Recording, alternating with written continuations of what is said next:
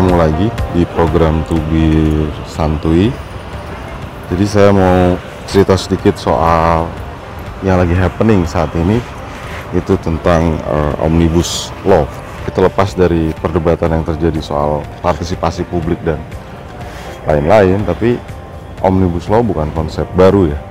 Uh, dalam pandangan saya ini konsep yang relatif lama dari zaman kita kemerdekaan itu sudah ada, hanya mungkin namanya belum omnibus. Nah misalnya di Undang-Undang Dasar kita tuh yang di tahun 45 juga ada tuh uh, pasal yang bisa dianggap sebagai omnibus. Misalnya pasal terakhir dalam undang-undang dasar kita bicara soal segala peraturan yang ada masih berlaku sepanjang tidak bertentangan dengan undang-undang dasar ini kemudian juga di undang-undang 146 tentang peraturan hukum pidana juga ada satu pasal yang menyatakan bahwa segala peraturan hukum pidana yang ada juga masih berlaku sepanjang tidak bertentangan dengan kedudukan negara Indonesia sebagai negara merdeka. Begitu juga di berbagai peraturan eh, banyak sekali, pertama di aturan penutup juga menyatakan hal yang demikian. Jadi bunyinya kira-kira sama. Jadi peraturan-peraturan yang ada yang yang dikeluarkan sebelum satu undang-undang itu atau peraturan tersebut dikeluarkan eh, dinyatakan masih berlaku sepanjang tidak bertentangan dengan peraturan yang baru dikeluarkan tersebut. Nah memang persoalannya adalah kita disuruh menerka-nerka nih mana sih aturan-aturan yang masih berlaku mana yang tidak nah jadi kita suruh menerka dan menafsirkan sendiri itu memang jadi komplikasi tersendiri ya tapi yang ingin saya tegaskan bahwa bukan sesuatu hal yang baru dan bukan sesuatu yang asing karena dalam prakteknya kita juga banyak menerapkan yang dalam sistem hukum kita mungkin lebih mirip dengan kodifikasi hukum dan itu sesuatu yang sebetulnya tidak memerlukan kajian hukum yang mendalam tapi memang omnibus law ini kajian yang paling banyak dilakukan adalah kajian terhadap uh, kajian dari uh, bidang ilmu politik. Kenapa? Ya karena pertama omnibus law ini sebetulnya uh, uh, terjadi dalam suatu negara yang menganut supremasi parlemen.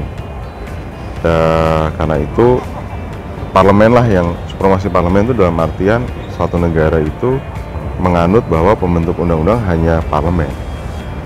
Jadi bukan soal common law atau uh, continental law, tapi lebih ke negara yang negara yang menganut supremasi parlemen. Dalam konteks Amerika Serikat misalnya, Kongres Amerika Serikat itu memegang kekuasaan untuk undang-undang, presiden tidak memegang kekuasaan tersebut.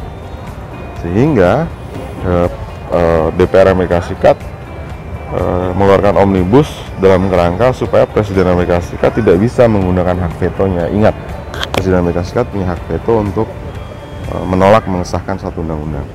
Nah, ketika bentuknya omnibus, omnibus berarti banyak sekali aturan sampai ratusan mungkin ribuan bahkan ribuan, maka Presiden tidak punya pilihan lain menolak secara total atau menyetujui secara semua. Meskipun yang dia tidak sukai yang presiden tidak sukai mungkin hanya sepertiga bagian dari satu undang-undang yang model omnibus tersebut. Karena itu nah itu kajiannya kajian politik. Jadi untuk melihat uh, balance of power antara parlemen dan uh, presiden dalam sistem presidensial.